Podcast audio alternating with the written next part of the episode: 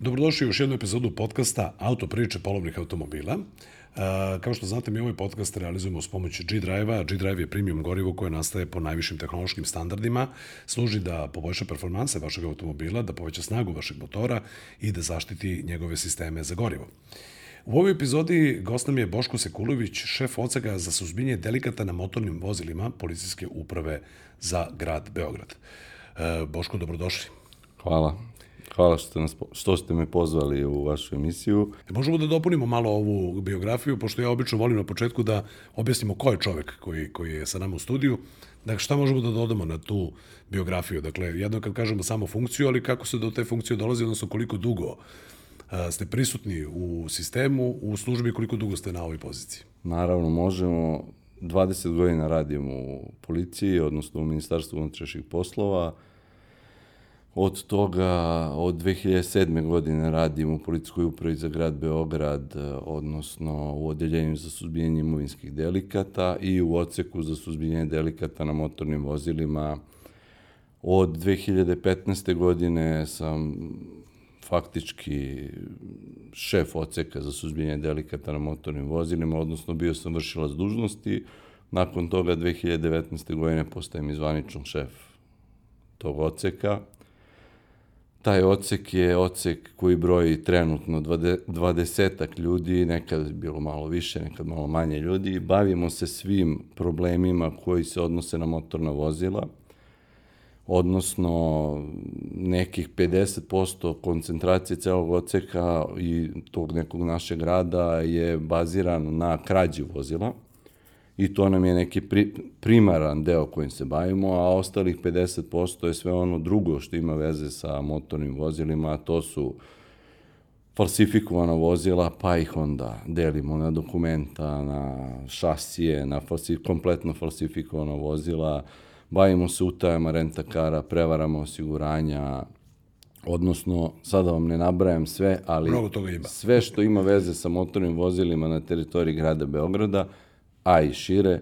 pokriva naš ocek, odnosno naše odeljenje, odnosno policijska uprava za grad Beograd. Dakle, pravi čovjek na pravom mestu da upravo popričamo o, o, o tim stvarima, zato što mi ovde pokušavamo da budemo uh, vrlo edukativni, da budemo aktuelni, ali da budemo ponekada i zabavni, pa onda tako malo kombinujemo, jel tako, malo struka, a malo, malo ovaj, kolege i drugari, javne ličnosti i mislim da je zapravo tema, kad pričamo o imovinskim deliktima, odnosno krađi vozila pre svega, da je to nešto što većinu ljudi uh, koji posjeduju vozilo negde malo, kako bih rekao, svrbi, čačka, odnosno razmišlja šta će da se desi ukoliko mi neko ukrade auto, pogotovo ako je to nešto skuplje i vrednije vozilo. Pa možda da krenemo od toga kako nam izgleda statistika. Postoji podatak da se nekada u Srbiji i u Beogradu kralo više od 10 automobila dnevno. Kako danas stojimo? Kako to izgleda? Ne moramo da budemo precizni u broj, ali da li se krade više ili se krade manje? Pa za početak mogu da kažem da se jako mnogo manje vozila kradu u odnosu na taj period koji ste vi pomenuli. Ono što bi možda bilo zanimljivo gledalcima je, na primjer, 2001. godine u Beogradu se prosečno kralo 13,5 vozila na dnevnom nivou i posle toga taj broj kreće da pada. Znači, dolazimo, na primjer, kad sam ja došao u taj ocek 2007. godine, kralo se sedam vozila dnevno. Onog momenta kad sam preuzeo od prethodnog šefa funkciju, odnosno da vršim funkciju šefa odseka, krala su se tri po auta u gradu Beogradu. Prošlu godinu smo završili sa statističkim podatkom od 0,6 vozila po danu. Na današnji dan, odnosno 12. juna 2023. godine, mi za prvih hajde da kažem, pet i po meseci imamo 60 ukradenih vozila, odnosno u odnosu na isti period prošle godine imamo smanjenje od gotovo 50%. Ono što je zanimljivo da se nadovežem u celo ovoj priči je vaš početak koji ste rekli, a to je svaki građanin gleda na auto kao na svog ljubimca.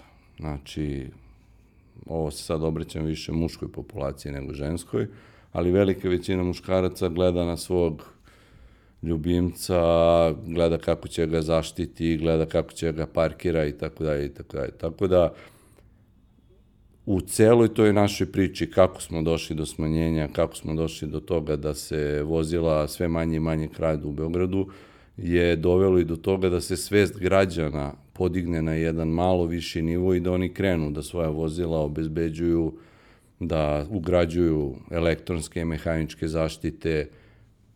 Samo da ubacim jednu stvar, ljudi često mešaju kasko kao zaštitu. Kasko nije zaštita, kasko je uh, sistem obezbeđenja u smislu nadoknade neke štete ili nečega, ali neće vas kasko zaštititi od toga da vam vozilo ne bude ukradeno. I to ćemo posebno da tretiramo da, ali kao, čisto kao, malo. kao, kao, kao sekciju. Tako je. A, šta se tačno promenilo, iako smo načeli upravo to, dakle, osim što su građani počeli malo bolje da se štite, Šta se još to promenilo, dakle, da li je procenat otkrivanja tih dela toliko porastao, pa su, da kažem, lopovi, odnosno oni koji bi otuđili vozilo, odustali, ili je to jednostavno više nije interesantno, toliko kao što je bilo nekada? Ili su zapravo i vozila uznapredovalo toliko da ih je možda teže ukrasti? I o tome planiram da, da, da pričam. Pa da krenemo od vaše poslednje pitanja vozila, što više napreduju, sve ih je lakše ukrasti. Znači, nekim dolaskom tehnike, tehnologije, napredovanja, tih nekih bežičnih komunikacija vozila sa ključevima dovelo je do toga da se paralelno sa tim razvijaju i alati, takozvani elektronski sofisticirani alati za krađu vozila koji omogućavaju da se vozilo jako brzo ukrade. I dalje postoji prepreka ulaska u to vozilo, da li ćete obijati bravu, da li ćete bušiti vrata, i onaj stari dobri modus koji nikad ne izlazi iz upotrebe, a to je razbijanje stakla, odnosno najbrži mogući način da se uđe u vozilo. Prilikom ulaska u vozilo, sad, zavisno od tipa modela, godišta i tako dalje, koristi se određeni način kako se to vozilo startuje, da li se kodira novi ključ, da li se čupa brava, da li se start-stop dugme aktivira, pa se kodira ključ. Sto nekih različitih varijanti, ali što je vozilo modernije, dolazimo do toga da vozilo i koje ima keyless startovanje može da se ukrade maltene bez kontakta sa vozilom, odnosno vozilo može da se uđe bez nekog bez neke preterane upotrebe sile, odnosno u auto može da se uđe premošćavanjem frekvencije ključa koji je kod vlasnika ili u kući na taj način što se koristi jedan prijemnik koji je ujedno i predajnik. Taj predajnik imitira ključ, u vozilo se ulazi bez ikakvih oštećenja, vozilo se startuje start-stop sistemom koji je već u vozilu i vozilo se odvozi i vozilo se vozi i tako koristi do momenta prvog gašenja. Tako da to vozilo faktički može da se koristi dok god se ne ugasi. To nam je donelo, to nam je donelo napredak, zato što su, kako bi rekao, uznapredili su svi ti sistemi, a kao i u kompjuterskom svetu. Kako napreduju zaštite protiv virusa, tako naravno napreduju virusi, to je, jedno, to je povezano. Slažem se. To je potpuno povezana Slažem stvar. Dakle, kako, kako neko izmisli nešto novo, ajde da pričamo o autosvetu, tako sa druge strane žice, jel, ovaj, odmah se pojavljuje, ovaj, kako bi rekao, antidot, odnosno pojavljuje se protiv otrov, odnosno mogućnost da se to nešto premosti. Slažem ja, ja ponekad tim što- razmišljam, pričat ćemo o tim frekvencijama na ključevima, nije ideja da edukujemo nikoga kako se to Slažem nešto se. radi, pa to nećemo da, da, da otkrivamo, ali ja recimo ponekad razmišljam kada zaključujem sobstveno vozilo, da li da to uradim na dugme, da li da uradim, ja, jer imam taj ključ koji, koji je jel tako, beskontaktni, ili da to uradim tako što ću da prisavim ključ na glavu ili, ili sa par metara udaljenosti. I o tome bih volao da pričam o tome šta je tu sigurnije od, od ta dva. Ili, Pa tu nema, ili tu kako- nema spasa, ako je to keyless, ovaj, odnosno beskontaktni ključ, svakako sam podložen, ajde da kažem, preuzimanju koda. Pa, preuzimanje koda je nešto drugo, to je moment gde poseban jedan uređaj skida deo koda ključa koji je implementiran u vaš e, čip na ključu i koji se posle toga koristi za izrađivanje novog ključa kako bi se vozilo startovalo. A taj keyless, takozvani wave alat, uh, on bukvalno Znači, taj vaš keyless ključ, on konstantno emituje signal, odnosno on konstantno traži vozilo. Pita I, se da li je vozilo u blizini, zato je. što ne zna da li mu ja prilazim ili ne. Tako je. Kod nekih, kao što je Renault, recimo, to je nešto osetljivije, pa kad se priđe, on već otvori. Kod, ja, pa ja sam, to je sad ja sam... zavisno da li je metar, dva, pet, u zavisnosti da. od toga koliko je frekvencija, odnosno opseg tog ključa. I onda imamo situaciju da taj ključ konstantno nešto traži, a taj alat prilaskom tom ključu imitira vozilo. Ključ kaže, aha, evo ga auto, i daje signal otključavanja, odnosno i otključavanja i startovanja. Tim alatom do nekih 150-200 metara može da se prenese ključ do drugog predajnika koji služi da onaj koji je pored auta izimitira vašu prisutnost vozilu, otključa auto, sedne u auto, pritiskom na start stop dugme napravi kao da je ključ u vozilu i vozilo odveze. Ako sam dobro razumeo, sada ću jednu hipotetičku situaciju. ja bih mogao da dođem sa nekim luksuznim autom, da sedem u kafić, da ostavim ključ na sto, ukoliko sam tipovan ili ukoliko neko baš juri taj moj automobil i na neki način sam nadziran, može čovjek da sedne pored mene uh, za susedni sto, da ima taj uređaj, da imitira frekvenciju, da je pošalje njegovom kolegi koji je na 150 metara dalje, do 150 metara, ako sam razumeo, na primer, koji stoji upravo pored mog luksuznog automobila i dok ja pijem kafu, ovaj, pojvuk magarca, odnosno... Sve ste dobro razumeli. Odlično. Znači, lakše nego ikada... Rekli smo da upravo... da nećemo da edukujemo, ali nećemo. sve ste dobro razumeli. ok, dobro. nećemo da pričamo kako ali, to... Ali naravno, i za to ima leka. Postoje alarmni uređaji koji se ugrađuju u vozilo, koji sa sobom imaju tag. Taj tag se stavlja na ključ vozila ili se stavlja u ključ vozila I onda I, neće moći fizički, ukoliko to nije tu, neće moći je, da... Tako da I ukoliko taj tag nije u vozilu ili blizu vozila, vozilo ne može da se pokrene. Dakle, a posebno ćemo pričati o tome šta su sve preporučeni dodatni metodi zaštite, nećemo da reklamiramo prosto nikoga, ali da pričamo o tome zašto je to važno. Naravno. Pre nego što pređemo na, na to, ja bih ovaj, samo pomenuo da kod nas na tržištu se pojavila Stela 00, a, koja je dobar način da uživamo ukoliko volimo ukus piva, da uživamo na odgovoran način tako što nećemo ugroziti ni sebe ni druge konzumacijom omiljenog napitka i sada zapravo dolazi vreme za to naše čuveno stajala 0-0 pitanje a, koji ima veze sa bezbednošću, apsolutno, a to je kako vi, a, pravimo malo digresiju, odnosno našu temu, ali kako vi a, pazite na druge u saobraćaju i šta za vas znači sigurna vožnja? Sigurna vožnja je vožnja po propisima, bez alkohola i da su svi učesnici u vozilu vezani. Dakle, po, potpuno po PS-u. Pa, tim se poslom bavim, tako i razmišljam. Alo, Vera. Evo ja ću ovde u znaku ovog našeg druženja da poklonim jednu Stella Artois 0 čašu da ostane za uspomenu. I sad možemo da se vratimo lagano na našu temu, dakle da pričamo o tome, a da bez da edukujemo ovaj, ikoga. Definitivno možemo da kažemo da se promenio i način krađe, je li tako? Pa kako, su, kako je napredovala autoindustrija, tako se promenio i način krađe. Nekada smo imali vozila koja su se krala na taj način što se upotrebom sile, odnosno mehaničkih alata, e, startovalo vozilo lomljenjem, čupanjem brave, prespajanjem kablova, takozvane buksne, spajanje kablova na nekom jugu i tako dalje. I onda smo dolaskom kod ključa od neke 96. godine, a od 2000. odnosno 99. na ovamo gotovo sva vozila imaju kod ključ došli u situaciju da mehanički alat se više ne koristi, nego da se koriste sofisticirani alati za premošćavanje, odnosno dekodiranje, e sad, da li je kompjutera, da li je brave, da li je kodiranje novog ključa kod nekih drugih, na primjer, francuskih vozila, tako da imamo situaciju da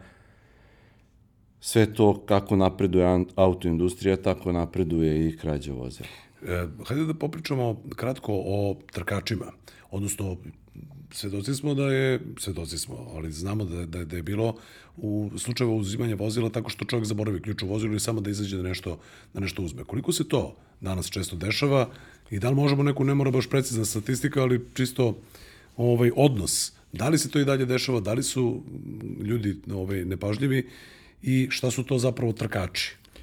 Pa je ovako, znači, trkač je žargonski naziv za krađu vozila koji je proistekao iz dugovodišnjeg rada našeg oceka, a trkač je na taj način dobio ime na taj način zato što vlasnik svojim nesavesnim ponašanjem ostavlja ključ u vozilu i vozilo neretko u pogonu. Da bi izašao iz vozila na, što se kaže, kratko, da nešto završi. To nešto je da odvede dete do škole, da ostavi dete u vrtiću, da istrči do trafike, pekare, prodavnice, da samo na minut nešto uzme. U tom momentu izvršilac koji naravno nije došao planirano da ukrade to vozilo, nego se zatekao tu, koristi priliku, seda u vozilo na, i vozilo odvozi. Tako da, ono što mogu da kažem, godinama imamo smanjenje broja ukradenih vozila i to je rezultat rada kompletne policijske uprave za grad Beograd, odeljenja za imovinske delikte i najviše oceka za suzbijanje delikata na motornih vozila vozilima kao linijske službe u policijskoj upravi za grad Beograd i taj neki broj vozila koje su ukradena sa ključem u vozilu, a tu bi morao da dodam i vozila koja su ukradena na taj način što vlasnici u prigradskim beogradskim naseljima ključ ostavljaju u vozilu tokom noći, pored ručice menjača, ručice, ručne kočnice, nered koji u bravi, i izvršioci koriste priliku i potpuno nesmetano sedaju u vozilu i odvoze ga. Da se vratim na ovo, taj broj je konstantan godinama, znači, a to je broj između 70 i 80, 90, 100 vozila na godišnjem nivou. S tim što je nekada kada se u Beogradu kralo 3, 4, 2000 vozila, to bilo na nivou 2, 3, 4, 5% od ukupnog broja ukradenih vozila. Međutim, kako vreme prolazi i mi se bavimo tim krađama i jurimo lopove koji vrše klasične krađe, mi smo došli do toga da broj ukradenih vozila, da kažem, ukradenih vozila sa upotrebom alata pada, da broj vozila na ovaj način, takozvani trkač, ostaje na istom nivou, pa nekim statističkim poređenjem na kraju godine mi dolazimo da nam je prošla godina završena, da nam je svaki treći auto u Beogradu bio ukraden na taj način što je ukraden sa ključem. I nažalost to je 87 vozila ukradeno tim modusom. E sad, ono gde je dobra stvar u 85% slučajeva od, od tih ukradenih vozila na trikača vozila smo pronašli, jer to je moment gde izvršila ceo vozilo, ukrao ga i on više ne zna, nema odma razvijenu plan. situaciju šta će s tim vozilom, gde će s tim vozilom. Ja smijem da izvučem samo jedan zaključak. Dakle, Izvolite. to nije tipo, tipovano vozilo i nije planirana krađa, nego kao što ste rekli, on se zatekao tu i kao, pa kako sad da ne uzmem, ako je iz tog posla, tako kako da ne uzmem kad, ne, mi, to, kad mi je ostavljeno? To uglavnom nisu izvršioci tih krivičnih dela, znači to nisu takozvani motornjaci, da ih tako nazovem. Dakle, nije organizovani je... kriminal, nego je, da kažem, usputno uh, Pa znači šta, to da su da izvršioci koji u trenutku imaju neku muku, imaju neki problem, možda su uživaoci nekih opojnih droga, možda su maloletnici, Imamo situacije da su snimljeni neki filmovi gde se to videlo onako na jedan trafika, način. Trafika. Tako je i gde, što ja kažem, probudi ideju kod mladih gde je tako nešto izvodljivo. Pa imamo situaciju da maloletnici, mislim, Možda samo iz dokazivanja. Radi fore, da. tako nešto urade, parkiraju auto dalje i onda traže gde će, šta će i kako će. Međutim, kod tih krađa imamo sreću što imamo tačno vreme izvršenja, odnosno imamo vreme u par minuta.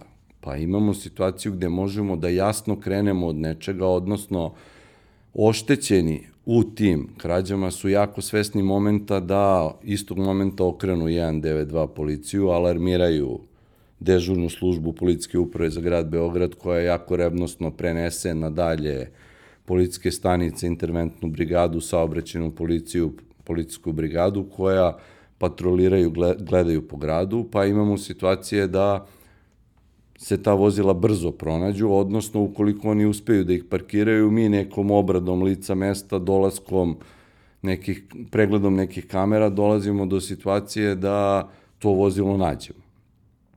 Ono što bi se nadovezao sad na ovo, a što je bitno da naglasim je da krađa vozila, odnosno krivično delo se zove neovlašćeno korišćenje tuđeg vozila, spada u imovinska krivična dela i da je jedno od najtežih krivičnih dela za otkrivanje i sfere imovinskih delikata iz razloga jer nemamo tačno vreme izvršenja krivičnog dela, nemamo očevice izvršenja krivičnog dela, neretko nemamo ni mesto izvršenja krivičnog dela iz razloga jer vozilo se parkira u toku noći na jedno parking mesto, onog momenta kad se to u Beogradu oslobodi, vrlo brzo bude ponovo parkirano vozilo.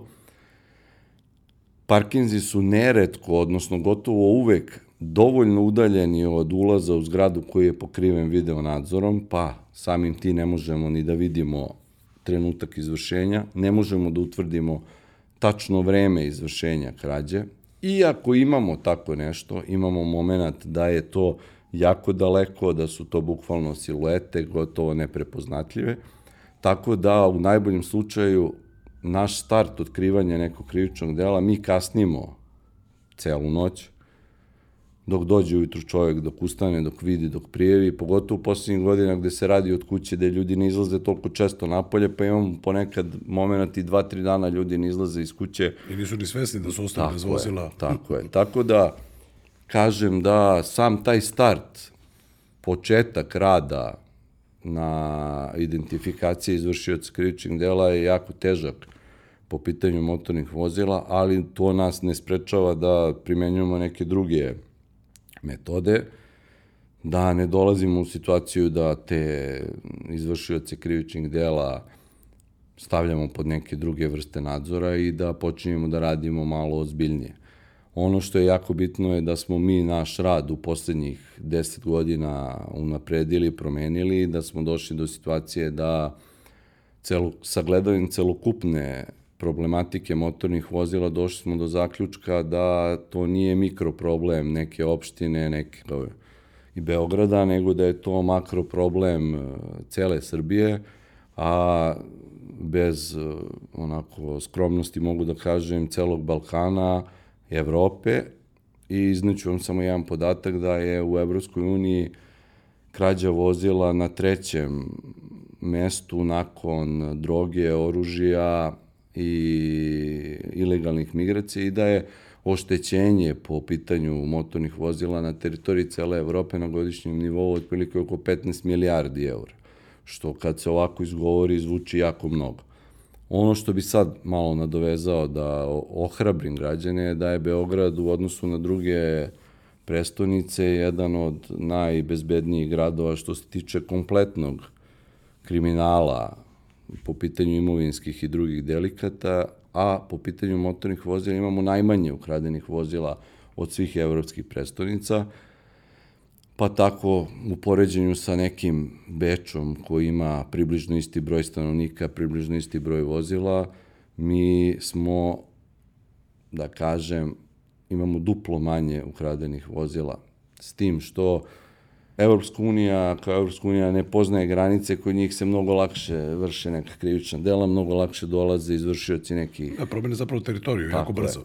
Tako da samim tim što smo promenili taj neki rad, osvrnuli se na, na neke drugačije moduse, postavili koncept rada na neki drugačiji nivo, nivo došli smo do toga da smo shvatili da se vozilo krade, da bi se dalje rasklapalo, ilegalno prodavalo preko interneta putem nekih sajtova, da se brojevi šacija prekucavaju upotrebom falsifikovane dokumentacije, ponovo registruju i da je sve to uvezano iz jednog mesta Srbije u drugi, iz jednog kraja Srbije u drugi, da pa smo počeli malo da se bavimo analizom svega toga i kad je sve to postavljeno na svoje noge, došli smo do toga da smo počeli sistematski da rešavamo lopove, sistematski da rešavamo prikrivače, odnosno ljude koji seku ukradena vozila, distribuiraju delove posle toga, mogu da kažem, ovi žagovski kobasičare, jer to je takođe jedno pitanje šta se zapravo dešava sa, sa automobilima i u kom procentu, ako možemo to da kažemo, Dakle, oni idu, kako se to kaže, narodski u kobasice, odnosno idu u delove, a u kom procentu zapravo idu u neku drugu državu i koliko to danas teže nego, nego što je možda nekad bilo. Počeli smo, pričali smo o načinu rada. Koliko možemo da otkrijemo taj način rada, da, budući da, da polazimo od toga da, da kao što ste naveli, nema mesta, nema vremena, nekada to kaska i danima, i onda ste pomenuli da zapravo tu ima, e, da čita taj rad kada je sistematski e, se prišao u tom problemu, da između ostalog i zbog toga značajno smanjena. Pa sistematski se pristupilo problemu da bi se što više izvršioca uhapsilo i konstantnim hapšenjem izvršioca dokazivanjem toga da su oni izvršili to krivično delo i njihovo procesuiranja u, zajedno sa tužilaštvom i sudom. Došli smo do toga da imamo smanjenje broja ukradenih vozila na teritoriji grada Beograda i cele Srbije. Ono što je jako bitno da vaši gledalci znaju, to je da je Beograd grad od 2 miliona stanovnika i nekih, da kažemo, 700.000 automobila. Nažalost, jednog broja od 30 do 40.000 neregistrovanih automobila i dnevnog tranzita vozila iz Srbije iz inostranstva koji varira oko 100.000, znači plus minus. Znači, dolazimo tu na neku brojku od 800.000 automobila plus bez tog nekog dnevnog tranzita tokom leta kada to više niko ne može ni da izbroji. I da brojka od nekih, na primjer, prošle godine 240 ukradenih vozila, ne kažem da nije velika brojka, ali mogu da kažem iz ugla šefa oceka za suzbijenje delikata na motornim vozilima da je zadovoljavajuća na ovoliki grad. Naravno, mi se trudimo da dođemo do toga da se nijedno vozilo ne ukrade u Beogradu, Pitanje je da li ćemo do toga doći, ali nam je to cilj. Prošle godine je polovina vozila koje su kradena pronađena. Ove godine će ta brojka po svemu sudeći biti nešto veća. Prethodnih godina taj broj vozila je bio na nivou od 25 do 35-40%. Onog momenta kad smo došli analizom celokupnog stanja kriminala po pitanju motornih vozila do toga da nam vozila sve više i više odlaze kod, što bi vi rekli, kobasičara, odnosno ljudi koji seku vozila i na taj način stiču, protivpravnu imovinsku korist, odnosno prodaju delove mimo ovlašćenih servisa i distributera. Stavili smo akcenat na kontrolu tih ilegalnih, legalnih otpada, odnosno lica koja se bave prodajom tih delova i suzbijenjem tako nečega došli smo do smanjenja broja ukradenih vozila, povećanja broja pronađenih vozila, tako da mogu da kažem nakon svega ovoga da se u Beogradu svako drugo vozilo pronađe trenutno. Postoje sad neki modusi, pojedina vozila novije proizvodnje se kradu da bi se na njima falsifikovali brojevi šasije i motora, da bi se ono ponovo carinilo, i pustilo u saobraćaj. Vozila koje idu u inostranstvo, u zemlje regiona, najviše Albaniju, imamo da nam vozila i dalje idu na teritoriju autonomne pokrajine Kosovo i Metohija. Tu zbog celokupne situacije imamo jako otežanu komunikaciju sa, da je nazovem kolegama, Onda imamo situaciju da se vozila koja dolazi iz Evropske unije, a koje su skuplja, ovde falsifikuju i ponovo vraćaju u Evropsku uniju, tamo registruju, da li kao blizanci, da li kao pono, ponovo registrovana vozila. Prethodnih godina imali smo jedno jako tržište Bliskog istoka koje je, nažalost, zbog ratova koji se tamo dešavaju, potpuno ugašeno, tako da vozila gotovo da tamo više ni ne idu.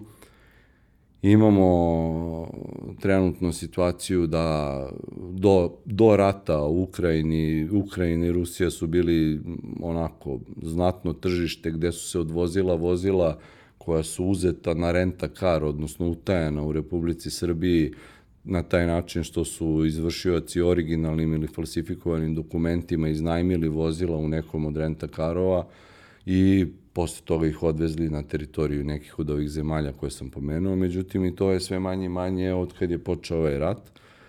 Tako da imamo situaciju da se vozila sve manje i manje kradu, što je dobro. Mi ih sve više i više pronalazimo, s tim što moram da naglasim da ne dođe do zabune kod vaših gledalaca. U ovom broju od 50% pronađenih vozila mi tu svrstavamo i vozila koja su pronađena i na način da su identifikovani neki od delova koji su pronađeni prilikom pretresa. Znači, to je ono gde nekim od pogodnih delova za identifikaciju vozila mi identifikujemo vozilo, tako da to nisu, što bi se reklo, sve vozila pronađena na točku. Pronađena i vraćena, nego mogu biti tako, u delovima. To je upravo to bilo pitanje. Dakle, šta se danas dešava sa ukradenim automobilima i u kom procentu idu zapravo u, u delove i u kom procentu ovaj, odlaze u neke druge zemlje i ovo upravo smo čuli, neka tržišta su nestala zbog ratnih sukoba. Propozao sam onom prvom Siriju, ako sam dobro ovaj, razumeo. Pa to je Bliski istok, da. Sirija je bila tu onako dosta, dosta, dosta zastupljena, tako je. Da, i upravo zbog toga što je onemogućena saradnja, odnosno jako loša saradnja kad pričamo o autonomnoj pokrajini ili kad pričamo o sada teritorijama gde je sukob, gde ne postoji. Pa, teško mi da to izgovorim, ali to je istina, to su neke crne rupe gde vozila odlaze, nekada je to bila Republika Crna Gora, posle toga Albanija, odnosno što bi rekli, to su mesta gde vozila koja su kradena završavaju, tako da toga je sve manje, i bitno da se vozila sve manje i manje kradu. Ok, pomenuli ste termin blizanac. Ja sam verujem da širom, ja, ja znam šta to znači, ali verujem da široj publici koja nas sluša ili možda slušao po prvi put, nije jasno šta je to blizanac. Ako možemo da objasnimo šta je blizanac, ništa otkrili nismo, ovaj, nije, naravno, nije edukacija, je, ali da se zna šta je. To je žargonski naziv za vozilo koje je ukradeno, a koje je falsifikovano na taj način da ima identičan broj šasije i slične ili iste karakteristike vozila koje je falsifikovano, znači boja, interijer, ten, onako približno da bude isto vozilu koje je naravno registrovano u nekoj drugoj zemlji Evropske unije, sveta ili... Jer sad postoje sajtovi na kojima se lako dolazi do kompletnih brojeva. Uz brojeva šasije, tako je. Da. Šasije, tako da falsifikatori mogu to da iskoriste. Pritom sad postoji dostupnost e, na tim sajtovima da može i oprema da se vidi i boja i interijer, tako da je vrlo lako da se tako nešto uklopi. Drugim rečima, ukoliko imaju nelegalan automobil, bilo je blizanac kod nas. Kod nas je... Nije, naravno, pa... Ali hoću da kažem, evo daću primer. Crna Opel Astra, stara par godina, imamo je nelegalnu, a treba da, da, da, da postane legalno. Ona je došla od negde otuđena, sad pričam da je, na primjer, došao automobil kod nas u zemlju, ili je, ili je pak ovaj, a, možda, možda otuđen sad baš konstruišem, ali otuđen je Užicu, a došao u Beograd. Teško da je, da je to slučaj, pa, ali... Moram da vam kažem da je tako nešto nemoguće da se dogodi u Republici Srbiji, zato što analizom kompletnog tog stanja kriminala i tog načina izvršenja došli smo do zaključka da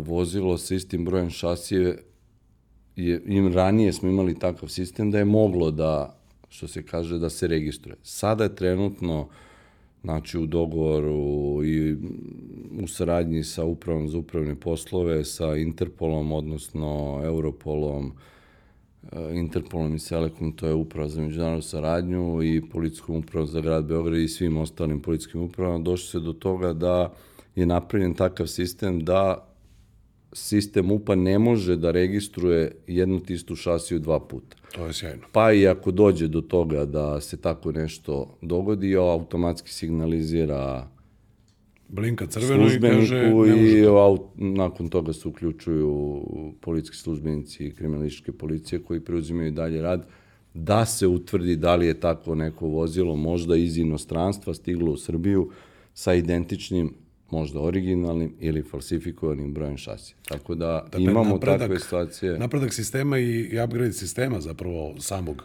policijskog pa, sistema je takav svega da je... ovoga što mi radimo je da se prate trendovi i da se prate tokovi. Kad tako pratimo sve trendove što se tiče i načina falsifikovanja i načina pripreme dokumenta. Mi sad imamo situaciju da u nekim zemlja, zemljama Evropske unije, ja ne bi želeo da ih e, imenujem, imamo serije ukradenih dokumenta od po 5, 7, 10 hiljada kompleta koji su originalnog obrazca i koji mogu da se koriste za falsifikovanje vozila.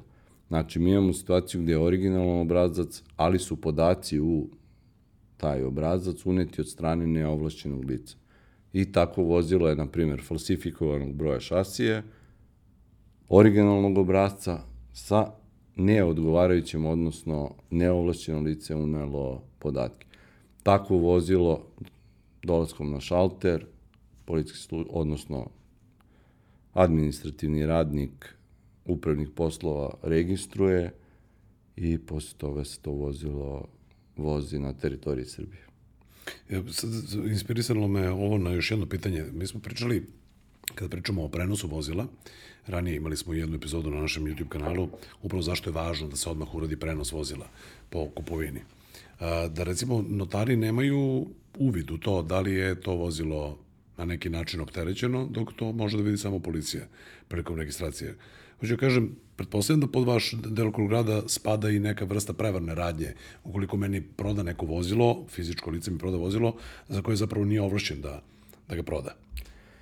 Pa znate kako jeste deo opsega rada našeg odseka, odnosno celog odeljenja, su i prevare vezane za motorno vozilo.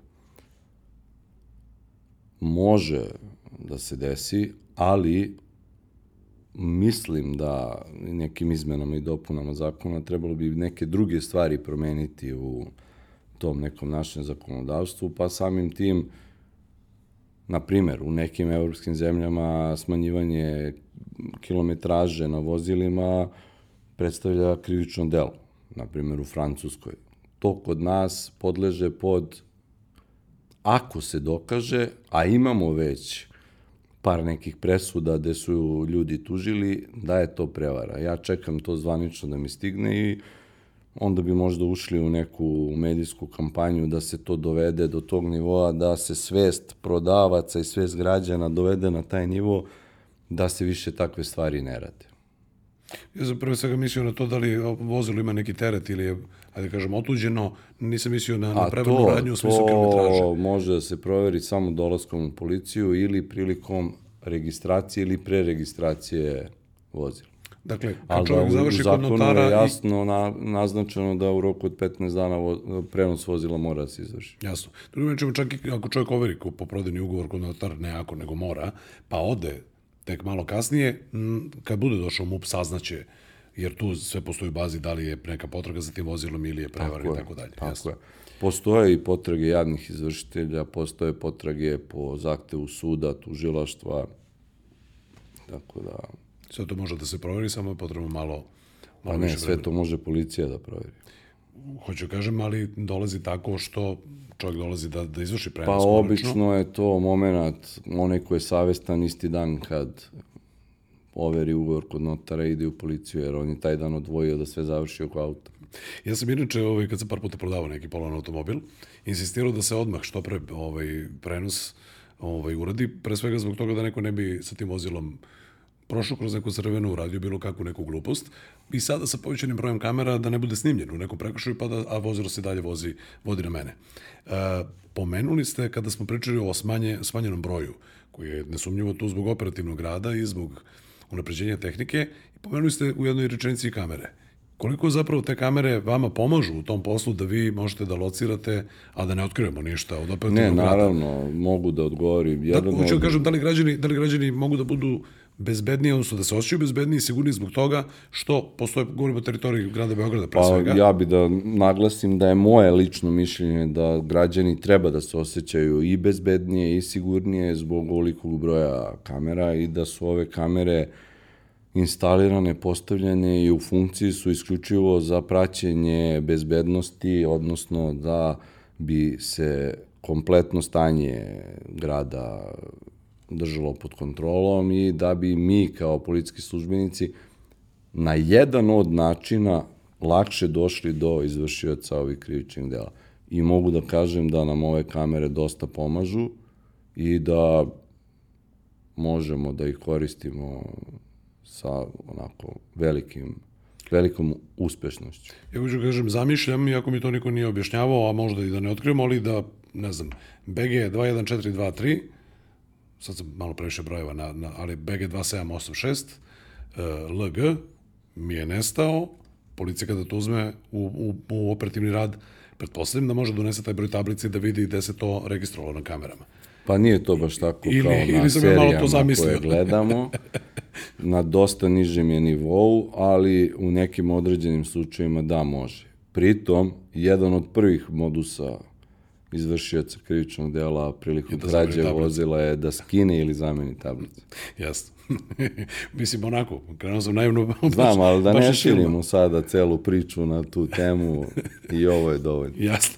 E sad bih volio da prođemo kroz jednu uh, statistiku. Dakle, da možemo da kažemo šta se to danas od ovih koji se kradu, šta se to zapravo krade? Da li se, da li je, da li se kradu luksuzna vozila, u kom procentu, u kom procentu su ovi koji idu u delove? Da li tu možemo neku distinkciju da napravimo? Pa ono što mogu da kažem je da polovina vozila koja su ukradena, odnosno, izvinite, jedna trećina vozila koja su ukradena su vozila starije proizvodnje koja se kradu na taj način što se koristi mehanički alat.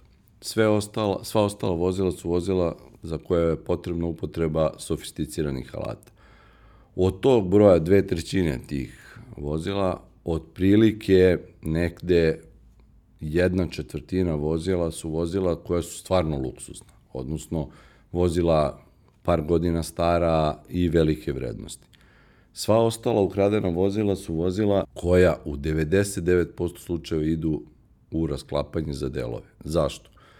Zato što neka opšta garancija novih vozila je od 3 do 5 godina i vozila dok su nova, odnosno po znacima navoda pod garancijom, popravka se vrši u ovlašćenim servisima. Nakon toga velika, velika većina građana više ne ide u ovlašćeni servis i ne servisira vozilo u ovlašćenim servisima, već ih servisiraju kod nekih poznatih majstora koji nabavljaju delove kod nekih, po znacima navoda, poznatih dobavljača i neretko dolazimo opet u situaciju da platežna moć građana nije na tom nivou da može da kupi neki novi deo, nego da kupi neki zamenski deo koji je polovan. I sve to kad u jednom levku dođe do toga, imamo da je vozilo ukradeno i sečeno i da se delovi prodaju.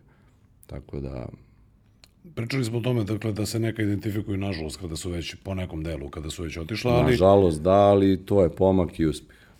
Da li možemo da kažemo, sad ne moramo da pominjemo brendove, ali koliko je prosečno vremena potrebno, a da nikog ne edukujemo, koje je najkraće vreme za, za, za krađu, a koji, koji automobil je, uslovno rečeno, najteže ukrasti, odnosno potrebno je duže, duže vreme. Pričat ćemo i o mehaničkim zaštitama. Pa ne, mogu da iznesem podatak da, na primjer, Range Rover, koji je najskuplji, jedan od najskupljih automobila na tržištu, tom upotrebom nekog sofisticiranog alata i provaljivanjem u vozilo razbijanjem stakla, ključ se kodira za 20 do 25 sekundi.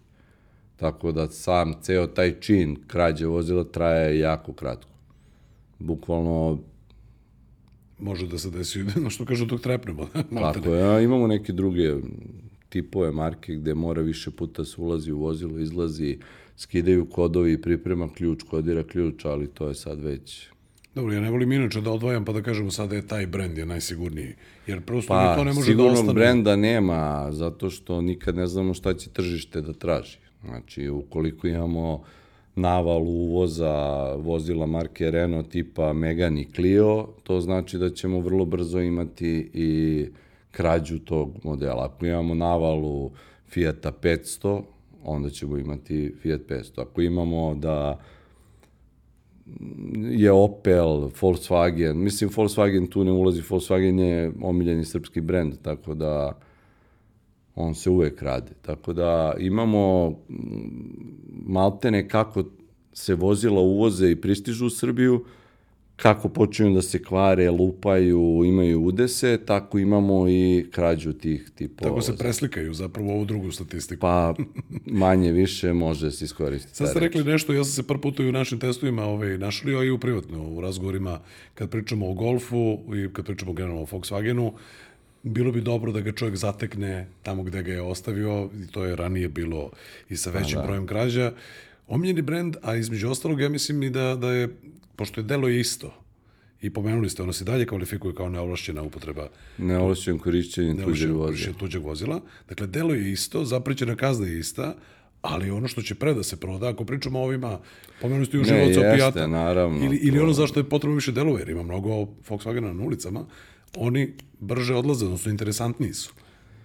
Pa to je tržište, ono, potražnja tržišta je takva jer tog brenda ima najviše. A što se tiče zakonske regulative, član je neovlašćeno korišćenje tuđeg vozila i zaprećena je novčana kazna ili kazna zatvora do tri godine. I ono što bi naglasio je bez obzira da li ukrali vozilo na trkača po znacima navoda, da li je to jugo koji ste ukrali spajanjem buksne, Golf dvojka češljanjem brave, Golf sedmica na upotrebom sofisticiranog alata ili Range Rover opet upotrebom alata koji košta 20.000 eura. Zakonska regulativa je ista, postoji sad u krivičnom delu teške krađe koje se neretko koristi u dogovoru sa tužilaštvom za tako nešto kad se dokaže da je vrednost vozila veća, da je upotrebom alata, provaljivanjem, obijanjem ali imamo tu situaciju da se to krivično delo nekad zvalo oduzimanje vozila, pa krađa vozila, pa se sad na kraju zove neovlašćeno korišćenje tuđeg vozila. I nekada je ta kazna bila od 3 do 5 godina, sada je to smanjeno do 3 godine, u grupi je do 5 godina, pokušaj se kažnjava, s tim što postoje jedan nonsens u celoj toj situaciji gde u stavu 2 tog člana zakona postoji navedeno da se upotrebom sile ili pretnje, ko oduzme vozilo upotrebom sile, sile ili pretnje, a svi koji se bave tim nekim pravom znaju da je to sila ili pretnja biće nekog, krivično, nekog drugog krivičnog dela, a to je krivično delo razbojništva. Pa onda imamo situaciju gde za takvo neko delo, ako vi upotrebom sile ili pretnje oduzmete vozilo, kaznit ćete se po članu 213, a ne po članu 206, što je u stvari razbojništvo.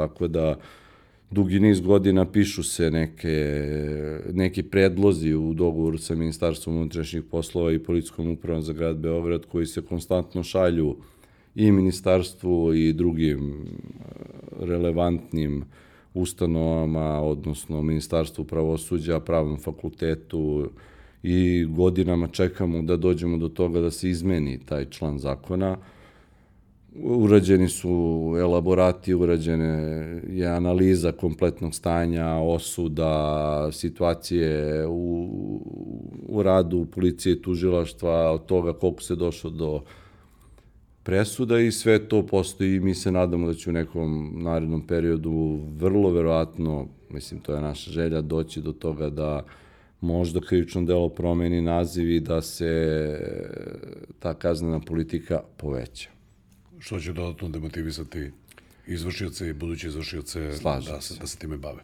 A, ja, sam, ja sam i taj sled. A, imam još jedno pitanje. Naprimjer, kada bi građanin video sa prozora da mu u tom trenutku obijaju automobil, šta je najpametnija stvar koju može da uradi, naravno nije da se iđe i da pokuša da spreči. Dakle, šta, da, šta savjetujete, pa ćemo preći na mehaničke i ostale zaštite, šta savjetujete nekome ko vidi što će redko da se desi, ali ko vidi možda da mu, da mu, da mu upravo kradu vozilo, šta on treba da uradi? 192. Se okrene odmah policija i jako je bitno da se lepo objasni gde, šta, kako i... Bez panike. Tako je. Dakle, nikakav silazak na... iz stana, sad ću ja da ih sprečim, osujetim, da se zapreti. Pa moj savjet je ne, a sad i sami znate da ne možemo mi svakoga da zadržimo tako nešto uradi. Ne, jasno, jasno, ali 192, dakle, ukoliko 192, čak vidite ili se dešava... Sačekajte, verujte mi, u gradu Beogradu policija će brzo doći kada je tako nešto. 80%, 80 i više posto krađa u, na teritoriji grada Beograda se izvrši i noću. Tako da, jako je mala šansa da neko kad spava bude u situaciji da tako nešto vidi.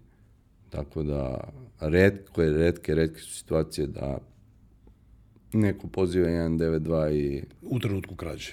Tako je. Ja imam neku, ovaj, ovaj, prosto samo, ovaj, kako bih rekao, ideju, zato što se pričalo, pa znamo to da nađemo i na društvenim mrežama, šta ne, bi ja radio kad bi zatekao i tako dalje. pitanje, dakle, nema tu... Imali smo situacija, ne dešava se često, ali najbolje pozvati 192, objasniti operateru na 192 šta i kako i onda će on preuzeti, jer je on obučen za to, šta treba dalje uraditi, koga poslati, pozvati, obavestiti i tako dalje. Jasno, jasno. I to je najefikasnije i najsigurnije. Tako je. Ovaj, ok, je sad da pričamo, um, o, o mehaničkim zaštitama i o, o, o drugim svim tim sistemima.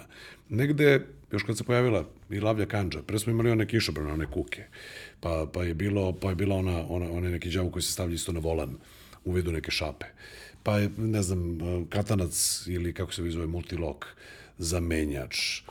Pa milion i jedna stvar koje, koje, koje, koje čovjek mogu da uradi, pa čak i određeni mikroprekidači. Ja mislim da se to i danas ugrađuje. Pomenuli ste i tagove ne tražim da preporučimo najbolju zaštitu, nego da pomenemo i prođemo kroz to koliko zapravo te mehaničke i elektronske zaštite mogu da pomognu, ili se samo radi o kupovini vremena, ili je i dovoljno da imamo i tu određenu kupovinu vremena, jer negde se čitalo i, i, i bio je odim u javnosti, ako ima i tu zeder nalepnicu ili koju god, da, da će verovatno izvršilac biti sklon da odustane, da će vjerojatno izvršilac biti sklon da odustane zato što ja ovdje imam prepreku, odnosno dodatno gubim vreme i izlažem se riziku da me u zateknu ili, ili uhvate. Koliko zapravo pomažu mehaničke zaštite, šta bi tu bila neka, neka preporuka i statistika? Pa dve stvari koje prve moram da vam kažem je, prva stvar je svaka zaštita je dobra. Znači, mehanička, elektri, elektronska, bilo kakva je bolja nego da nemate nikakvu zaštitu. Druga stvar koju treba da znate je da sve što ljudska ruka zaključa, ljudska ruka može i da odključa. Sve što ljudska ruka montira u vidu elektronike, ljudska ruka može i da demontira. Tako da dolazimo u situaciju da je bolje imati bilo kakvu zaštitu nego nemati bilo kakvu zaštitu, ali iz pogleda da li nešto sa zaštitom može da se ukrade, da može da se ukrade, da li mu treba mnogo više vremena, da treba mu mnogo više vremena, Da li će se on baviti time? Ne, sigurno neće, zato što na tom sledećem ili nekom drugom parkingu će naći isto takvo vozilo koje nema nikakvu zaštitu i koje će ukrasti za mnogo, mnogo manje vremena i neće se uopšte baviti tim.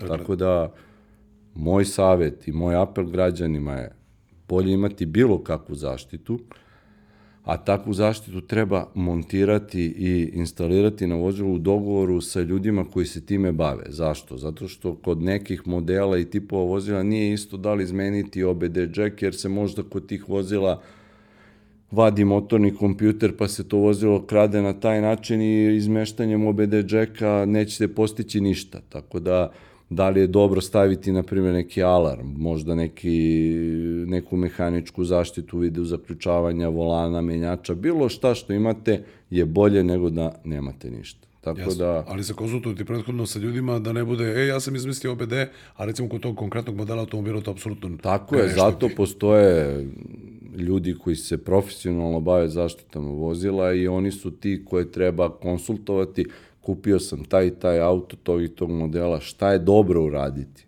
Jer nije poenta sad staviti dve neke stvari, elektronsku i mehaničku zaštitu ili staviti neku elektronsku zaštitu, a vozilo se krade na neki način koji zaobilazi to. Tako da... Jasno. Da li preporučio recimo ugradnje i onog GPS praćenja? Pa to je uvek dobro, to je pogotovo dobro za one ljudi koji imaju renta car, leasing kuće, daju vozila u neke podnajmove iz razloga daljeg pronalaska tog vozila. A što se tiče nekog e, pravog izvršioca krivičnog dela, odnosno lopova koji dolazi u izvršenje sa namerom da taj auto dalje distribuira, on će sigurno doći sa nekim umetačem signala GPS-a, GSM-a i samo će nam olakšati, imat ćemo tačno vreme kad je vozilo ukradeno. To sam upravo to da kažem, oni koji dolaze baš po određeni voz, određeno skupoceno vozilo sa pretpostavkom da ima, Tako da ima praćenje, sasvim sigurno će Tako je. ometati, odnosno vozilo će vrlo brzo nestati, da kažemo, sa pa. te mape, ali ćemo onda barem imati vreme. Pa imat ćemo jedan deo slagalice, jedan početak. Teo sam da, kada smo pominjali taj rad, koliko možemo da otkrijemo, kako taj rad izgleda kad vi nemate ni jedno, ni drugo, ni treće, ove, a da, kako bi rekao, nismo otkrili neke tajne zanate. Ja bi da preskočim odgovor na ovo pitanje. Odlično. Da neko ostane tajna. Uspehe imamo, što je evidentno po rezultatima, ali neko ostane tajna kako radimo. Onda nećemo da čačkamo. Ovaj, da li se dešava, i ako se ne dešava kada je prestalo, bilo je popularno, odnosno bilo je aktualno pre desetak i više godina, da se uzimaju automobili i da se traži otkup za njih. Da li to i dalje postoji? Da, upravo ste nekih, to je krenulo s 90-ima, pa 2000-te su isto bile mm, udarne za tako nešto i otprilike na godišnjem nivou smo nekih od 2003. do 2011. 12. imali otprilike između 200 i 300 vozila godišnje vraćenih za novac. Godinama, pošto smo u jednom momentu stavili jako veliki akcija na to, na to i to se radilo, maltene smo se samo time bavili, to je dovedeno do minimuma, pa tako prošle godine nemamo ni jedan auto vraćen za pare, a pretprošle godine imamo šest vozila vraćenih. Tu naravno postoji jedna jako mala crna brojka vozila koja su ukradena, a koja nisu prijavljena i vraćena su za pare, ali to je bukvalno, govorimo o jednom, dva, eventualno tri vozila na godišnjem nivou. Šta bi bio savet? Pretpostavljam Prijaviti, prijaviti policiji. apsolutno. Iako zaprate sa druge strane, e, mi imamo tvojeg Audija, BMW-a, Mercedesa, Golfa, nebitno, a, ne bi slučajno da si prijavio. Dali ste mi lep uvod za jednu drugu temu da se nadovežem. Godinama smo imali jedan jako veliki problem sa pozivanjem vlasnika vozila koji su na Facebooku, Instagramu, polovnim automobilima, na nekim forumima objavljivali da su im vozila ukradena, ostavljali brojeve telefona i objavljivali da će nekome za neku informaciju ili vraćanje vozila dati neki novčani iznos. Imali smo pozivanje od strane izvršioca koji su van teritorije grada Beograda, koji su maltene koristili podatke sa tih foruma, grupa, čak su ljudi kačili slike svojih vozila i ubeđivali ih da dođu do nekih određenih mesta, da ostave novac pod znacima navoda, kod znaka ispod kamena, kod naplatne rampe, da će im nakon toga javiti gde je njihovo vozilo. I imali smo jako, jako veliki broj tih lažnih pronalazača. odnosno- pokušaja vraćanja vozila za novac. To se inače u krivičnom zakonu Republike Srbije tretira kao krivično delo prikrivanja. I e, onda smo počeli da se intenzivno bavimo time do jednog momenta dok mogu da kažem uspešno nismo stali na kraj svemu tome, odnosno apelo, apelovali smo na građane da ne objavljuju, ne stavljaju, ne šire po društvenim mrežama. Na kraju smo veliku većinu tih izvršioca uhapsili i mogu da se pohvalim da poslednji četiri godine nemamo ni jednu prijavu takvog načina izvršenja i to je pomak jer je to moment gde nama odvlači dosta pažnje u pogrešnom smeru. Bavimo se nekim lažnim izvršiocima koji uopšte nemaju vozilo kod sebe, a oduzme nam dosta vremena, tako da to smo rešili. Vozila se, da kažem, u Beogradu više ne vraćaju za pare. Odlično, ali ukoliko bi se nekom desilo, 192, bez oklevanja, dakle 192, prijaviti šta god da oni kažu Operater na strane. 192 će preneti dalje linijskoj službi šta kako i posle toga ima ko će objasniti i uzeti to da radi. Dakle, jedno potpuno poverenje treba da postoji u sistemu i službu, iako Ja ove- mislim ove da ove zaprete- brojke i da ovaj stanje kriminala u gradu Beogradu govori da treba imati poverenje u policiju. E, hajde da pričamo još malo samo oko, oko opreme koju lopovi koriste, a bez da edukujemo ikoga. Dakle, kako je napredovala tehnologija, tako smo krenuli u ovaj, u ovaj podcast. Kako je napredovala tehnologija, tako su napredovali i oni koji, koji se bave jeli, tim poslom o kome pričamo, ponajviše u ovom podcastu. E, koliko zapravo novca je njima potrebno i da li uopšte, e, kako bih rekao, neke stvari mogu legalno da kupe ili to mora biti sa crnog tržišta? Da li, zato što postoje neka, Napravio bi neka jedan pisanja drugi da... uvod malo u celu ovu deo teme. E, Nekada je u krivičnom delu 347 postojao stav 2 koji je bio ko izrađuje, koristi i daje drugom na upotrebu alat za izvršenje krivičnog dela, pa ide dalje stav, kazniće se do novčanom kaznom ili do godinu dana. To je posljednjom izmenom krivičnog zakona izbačeno iz krivičnog dela, znači taj stav 347 nema više taj stav 2, odnosno posjedovanje i upotreba bilo kojeg alata za izvršenje krivičnog dela više ne predstavlja krivično delo. To je dosta otežalo u tom nekom momentu e, nama sa motornih vozila. Naglasio bi i kolegama sa teških krađa, jer taj mehanički alat za obijanje, provaljivanje i ulaženje u stan, odnosno obijanje brava. Krckalice. Pa to je već mehanički alat, ali imaju neki Sad sam drugi... To, citirao sam iz filma. Da, dakle, da, ali imaju neki drugi alati koji otključavaju brave, više ne predstavljaju predmet krivičnog dela. To je u jednom momentu ohrabrilo izvršioci krivičnih dela da na maltene jedan legalan način dođu u posed alata za izvršenje krivičnog dela. Nekada u ranije, prilikom pronalaska takvog alata kod izvršioca, prilikom izvršenja ili prilikom pretresa stana, kuće, vozila ili nečeg drugog, on je bio dužan da objasni odakle to njemu. Da li je on električar kome to stvarno treba, da li je on bravar kome to stvarno treba ili je on povratnik u izvršenju nekih krivičnih dela i šta će to kod njega. I po mom mišljenju, ali ograđujem se po mom mišljenju, to je imalo nekog smisla.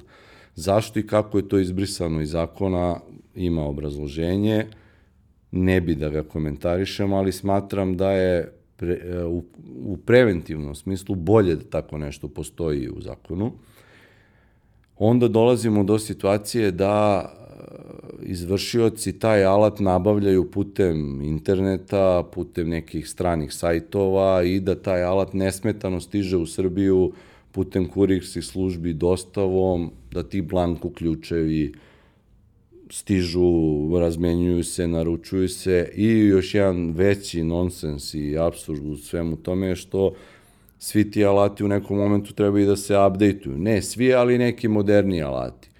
I onda se opet ti alati putem se službi šalju tamo gde su kupljeni, updateuju se, vraćaju se i imamo taj neki nesmetani tok tih alata. Protok. Onda imamo situaciju gde se alati iznajmljuju, pozajmljuju, menjaju, tako da čak imamo i situacije gde smo prilikom izvršenja krivičnog dela i hapšenja izvršioca pronašli alat za izvršenje gde smo u, u, na kraju krivičnog postupka dobili da se ti alati vrate, jer to ne predstavlja predmet krivičnog dela.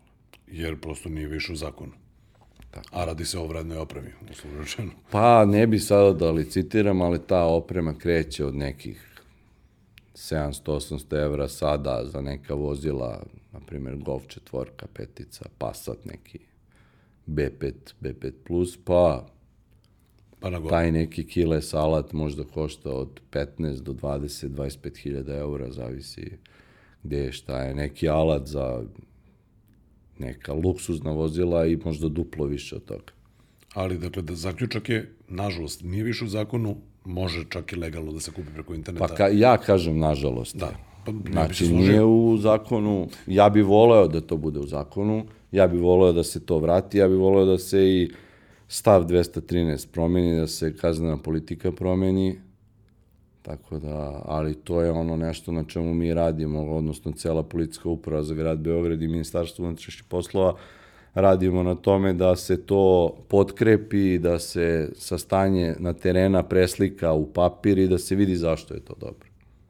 Pomenuli ste na početku kasko. I pomenuli ste kasko da, prosto u kontekstu da ljudi ne misle da to zaštita od krađe.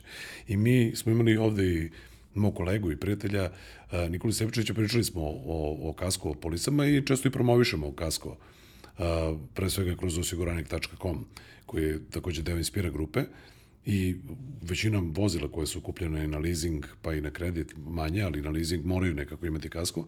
Da li imate podatak, dakle, koliko vozača ima kasko kod nas, i koji je neki evropski prosek i šta možemo još da kažemo kasku, a volio bi da obratimo pažnju i na prevare u osiguranju, koje su takođe postojale, a čini mi se, ja davno barem nisam čuo, ali ok, ja nisam u struci, ovaj, barem ne na način na koji, na koji ste vi. Svakako ovaj, da je bilo i tih slučajeva pa da su tu ljudi pokušavali da, da, da izvrše ovaj, neku vrstu prevare. Šta možemo da kažemo o kasku osiguranju? Ja baratam nekim podatkom za koji moram da se ogradim da ne znam da li je 100% tačan, jer je podatak od pred par godina iz udruženja osiguravača, a to je da je u Republici Srbiji otprilike 12% vozila kasko osigurano, a da je ostalih 88% osigurano samo obaveznom da. polisom osiguranja. Dok je, na primjer, u Evropskoj uniji 95, 6, 7% vozila kasko osigurano, odnosno njima je to već i nivo standarda i životne kulture da je vozilo kasko osigurano, odnosno njima je premija, odnosno njima je autopolisa maltene kasko polisa. Imamo situaciju da su maltene leasing kuće i banke postavile su se tako da neće da vozilo da daju leasing ili kredit ako vozilo nije kasko osigurano i to je neki vid nji, zaštite njih i to je dobar vid zaštite. Kasko je jedan dobar sistem obezbeđenja vozila u smislu šteta, naplate šteta, udesa i svega ostalog ali je jako podložan prevarama u smislu fingiranih saobraćenih nezgoda, u smislu fingiranih krađa vozila. E, imali smo neke zanimljive slučajeve na kojima smo radili, onako otkrivali smo gde smo mi, gde su oni. Moram da kažem, meni je jako žao, ali izvršioci krivičnih dela prevara, oni nama žargonski rečeno beže šest meseci, godinu dana, u izvršenju krivičnih dela dok mi ne dođemo do toga da shvatimo kako oni rade, šta rade, da oni dovoljno puta ponove to krivično delo, da se osiguranja osveste, mi smo prevareni, oni su prevareni i da mi shvatimo kako oni rade. Ono što je jako bitno je da mi imamo jako, jako dobru saradnju sa osiguranjima. Pohvalio bi te njihove timove za otkrivanje šteta koji uh, rade na edukaciji, dolaze kod nas, razmenjuju informacije, jako dosta vremena provodimo mi zajedno sa njima, prenosimo mi njima naše znanje, oni nama prenose svoje znanje. Mislim da je dobro da izvršioci znaju da mi koristimo njihove baze podataka, da nam oni pomažu u otkrivanju nekih stvari, obučavaju nas kako i šta i da je taj nivo saradnje našeg oceka i drugih osiguranja, odnosno ljudi koji se bave tim, da kažem, sličnim poslom otkrivanja šteta na jako visokom nivou i da smo mi to doveli sada do toga da maltene su te prevare u osiguranju svedene na jedan minimum. Bar su to neki podaci koje ja imam. Da li bi ja voleo da je broj krivičnih dela već, odnosno da je broj kasko vozila u Srbiji više osiguran, da, voleo bi, ali isto tako iznao jedan zanimljiv podatak, na primer, u Italiji se na godišnjem nivou ukrade 100.000 automobila, što je nezamislivo za Srbiju. Ali to je zemlja koja ima 10 puta više, 12 puta više stanovnika i tako dalje i tako dalje. Ali, zašto vam ovo kažem? Od tih 100.000 automobila, 50.000 automobila je prevara osiguranja. Ili neki vid nečega. Znači, samim tim kada se kod nas bude povećao broj osiguranih kasko vozila, otvorit će se put za one koji razmišljaju da prevare nekoga na ovaj ili na onaj način, tako da ćemo mi doći u situaciju da ćemo imati povećanje broja ukradenih vozila po znacima navoda, ali da će to u stvari biti prevare sa, sa motornim vozilima. Da ne bude samo, sam pomenuo Italiju kao zemlju, tu je i Nemačka, Francuska, Engleska, to su sve vozila gde se kradu znači, desetine hiljada automobila koji završavaju po Evropi, u delovima, Poljska kao jedan od najpoznatijih centara za seču vozila, za delove, sad maltene i to vaši prijatelji iz polovnih automobila znaju, ako ne možete kupite deo negde, idete u Poljsku da ga kupite, tako da sve to, to je jedna velika industrija gde je mnogo novca uključeno i mnogo ljudi uključeno i za ovako nešto nije potrebna jedan čovjek, nego je potrebna organizacija više ljudi koji će sve to da organizuju i to je jedan veliki deo kolača gde svi mogu dobro da zarade, a to pokazuje da to u Evropskoj uniji ne jenjava, nego da je to na nekom nivou blagog pada, ali da i dalje postoji. Ja bih za, za kraj našeg razgovora pitao koliko ima lažnih prijava, ne govorimo sada o prevarama osiguranja, ja kažem i moj lični utisak da se to smanjalo, nego koliko ima lažnih prijava krađe vozila? Da li se dešavaju i u kompleksu? Ne, naravno, dešavaju se, toga imamo na godišnjem nivou, bavimo se otkrivanjem i tih lažnih prijava, odnosno ono što prvo treba da kažem prilikom podnešanja zapisnika o prijemu krivične prijave, u nekoj od policijskih stanica u Beogradu ili u Srbiji podnosilac krivične prijeve od strane policije upozoren na posledice lažnog prijavljivanja. Znači, to je prvo što se uradi kada neko dođe da podnese krivičnu prijavu, da bude svestan da i ako je naumio da tako nešto uradi, upozoren si da ako se tako nešto bude otkrilo, bit će podneta krivična prijava protiv tebe za lažno prijavljivanje. Onog momenta kada ta krivična prijava po defaultu nakon uzimanja stigne u naš odsek ili u policijsku stanicu, zavisno ko uzme u rad, mi onda sednemo pa pogledamo da li tu ima nekih sumnjivih stvari, bavimo se nekim drugim stvarima, očitavanjem ključeva, očitavanjem kilometraže, pregledom videonadzora, kamera, u velikoj većini slučajeva obavljamo razgovor sa svakim podnosiocem prijave i na osnovu svih tih nekih parametara dolazimo do zaključka da li tu ima nekog, što bi se reklo po znacima navoda mesa, da tako nešto bude ili ne.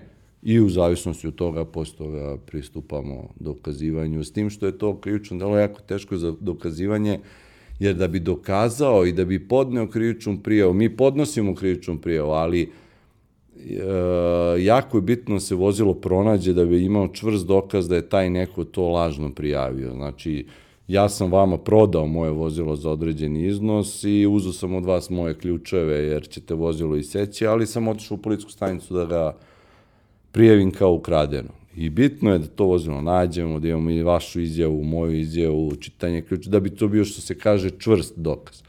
U nekim drugim slučajima nemamo vozilo, jer to vozilo se, kako mi kažemo, u toj lažnoj prijavi sve ide unazad. Znači, mi kasnimo tu, kasnimo, kasnimo, ali dolazimo u situaciju da je prvo vozilo prodato, pa uzeti ključevi, pa se došlo u stanicu, pa prijavljeno, pa došlo kod nas. Znači, jako je teško za dokazivanje, nije nedokazivo i to je na nivou nekih 3 do 5% od ukupnog broja ukradenih vozila na teritoriji grada Beograd, s tim što bi naglasio da ne stignemo da se bavimo svakim tim predmetom, odnosno svakim ukradenim vozilom, pa moram da kažem da je možda taj broj lažno prijavljenih vozila možda i veći, ali na sve nismo obratili pažnju. Ali sad kako nam je broj vozila sve manji i manji, imamo vremena da se bavimo svakim, tako da se nadam da nam neće, nećemo imati tu propust. Ja bih još jednu samo konstataciju, nekada, ovaj, kada se uzimalo vozilo na leasing, dobio se jedan ključ, a jedan je bio kod leasing kompanije. E, odavno sada već idu oba ključa, E, šta bi bila, očito se i zbog manjeg procenta krađe, a i zbog možda većeg poverenja leasing kompanije i obavezno kasko osiguranja, pa je dozvoljeno da vlasnik ima oba ključa. I koliko je pogrešno držati saobraćenu dozvolu u, u vozilu? Da li time olakšavamo onome ko bi, ko bi nam otuđio vozilo ili to potpuno dozvola, po mom mišljenju, treba da stoji u vozilu, jer ako nije u vozilu, sigurno ćete izgubiti. Tako da ništa ne olakšava i ništa ne otežava prilikom podnošenja krivične prijeve za ukradeno vozilo, bitno je da znate registarsku oznaku i policijski službenik će pronaći sve ostale podatke koji se nalaze u saobraćajnoj dozvoli. Ta saobraćajna dozvola za neko dalje falsifikovanje ili nešto ništa ne znači, jer je to prva stvar koja bi se uništila da se da makne od tog vozila. Ali primjer radi, recimo otuđeno vozilo na Novom Beogradu i sad, ukoliko je to neki trkač i on sad beži sa nešto, zaustavlja ga službenik u Čačku, i redovna kontrola. I on daje saobraćajno, na saobraćajno stoji nešto drugo, on kaže pa to mi od uvijeka.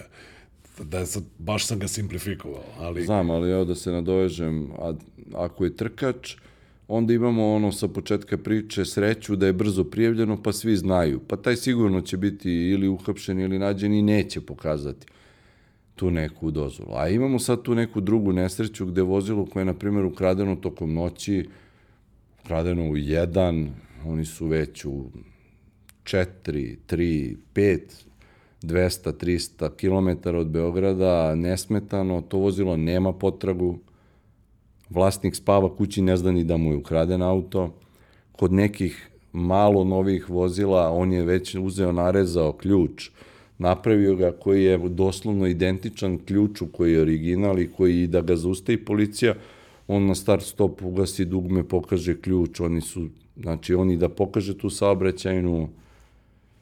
E sad, Imamo jednu drugu situaciju, malo da se nadovežem na to. Poslednjih godina počeli smo da se bavimo edukacijom uniformisanih policijskih službenika i policijskih službenika kriminalističke policije koji rade na terenu.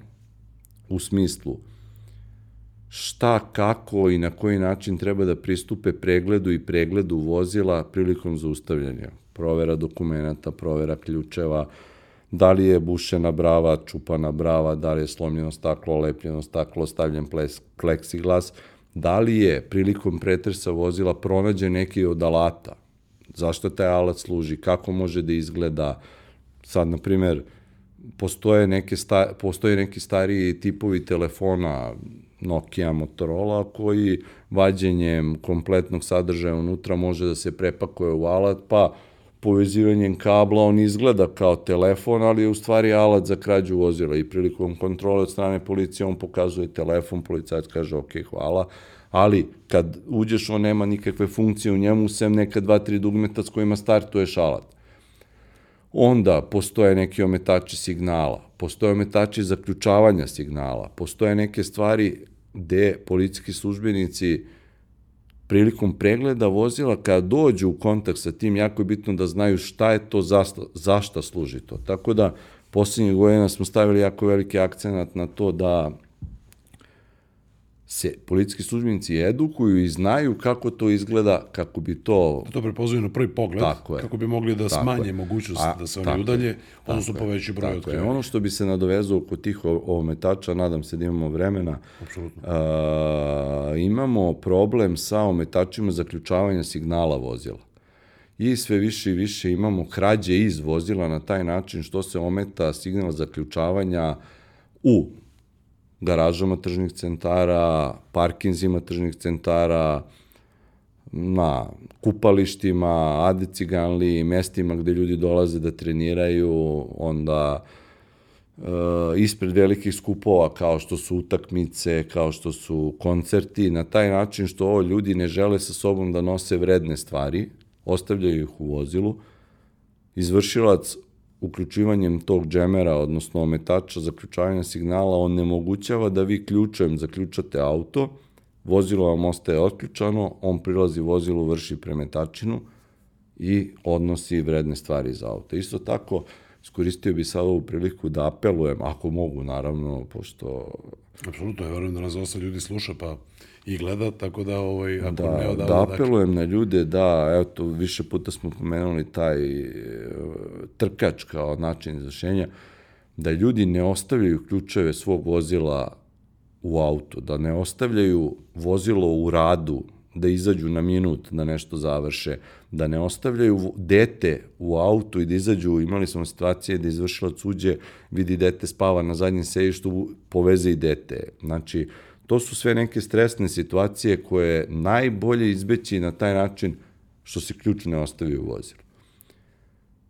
Zimski period, grejanje auta, letnji period, ostavljanje klime, verujte mi, bolje je 2-3 minuta da vam bude hladno ili 2-3 minuta da vam bude toplo, nego da ostanete bez svog auta. Jako je veliki stres ostati bez vozila. Isto tako apelovao bi na građane da jeste svest podignuta na, na jedan viši nivo, ali je još treba povećati. Zaštitite svoje vozilo nekom elektronskom ili mehaničkom zaštitom. Bilo koja zaštita je bolja nego nemati bilo koju zaštitu. Što se tiče tog nekog letnjeg perioda, ostavljanje stvari u vozilu, laptopova, torbica, e, tableta, e, torbica sa novcem, vrednostima, satovima, izašao sam na plivanje, ostavio sam sat, torbicu, novčanik. Nemojte to da radite. Izvršilac ili će ometati signal, uzet će vam stvari iz kola, ili će naići, slomit će staklo, uzet će vrednosti iz auta. To su sve zadesne krađe situacije gde je izvršila ili zadesne krađe ili situacije gde izvršilac direktno čeka. Imamo situaciju u tržnim centrima, ljudi dođu iz šopinga, siđu, Ostale puste stvari. kese, u, u pa autu, se pa se vrate da popiju kafu ili jedu, ne provere da je vozilo zaključano. Druga stvar, opet bi naglasio, smatram da je Beograd jedan bezbedan grad po pitanju imovinskih delikata, po pitanju svog ostalog kriminala, ali što se tiče motornih vozila, mislim da je bezbedan i da će biti još bezbedniji i da koliko god mi radimo za građani, isto tako građani moraju da rade i za sebe i za nas. Tako da nek slušaju neke savete i da znaju da nebitno nam je koje je vozilo ukradeno, nebitno kakvo je vozilo ukradeno. Za nas je svako vozilo isto, znači da li je ono vredelo minimalno ili maksimalno, mi isto pristupamo radu, isto pristupamo rasvetljavanju tog krivičnog dela, tako da što se nas tiče, stvarno se trudimo da budemo jako profesionalni, da radimo to na najbolji mogući način i mislim da rezultati ispred policijske uprave za grad Beograd stoje, da je smanjenje evidentno i ja se nadam da će tako ostati u budućnosti. Ja vam želim da ostanemo na tim nižim brojevima i vi ste na samom početku, dakle, potvrdili tamo i liči utisak, dakle, da je to u opadanju, odnosno da su brojevi dovoljno mali. E, hvala još jednom na vremenu. Hvala vama na pozivu, hvala vama na vremenu. Ja se nadam da će ova emisija pomoći građanima i da će ovaj moj apel se čuti negde, jer znači i nama i građanima i svima ostalim. Takođe. Hvala, hvala, hvala još jedno. Dakle, naš gost je bio Boško Sekulović, šef odseka za delikata na motornim vozilima Policijske uprave za grad Beograd. Kao što znate, mi ovaj podcast realizujemo uz pomoću G-Drive-a. G-Drive je premium gorivo koje nastaje uz po najvišim tehnološkim standardima, služi da poboljša performanse vašeg motora, poveća njegovu snagu i zaštiti sisteme za gorivo. Slušamo se na svim audio platformama, a vidimo se i slušamo se i na YouTube kanalu Polovnih automobila. Naravno, ne zaboravite like, share i subscribe. Do sledeće epizode. Pozdrav!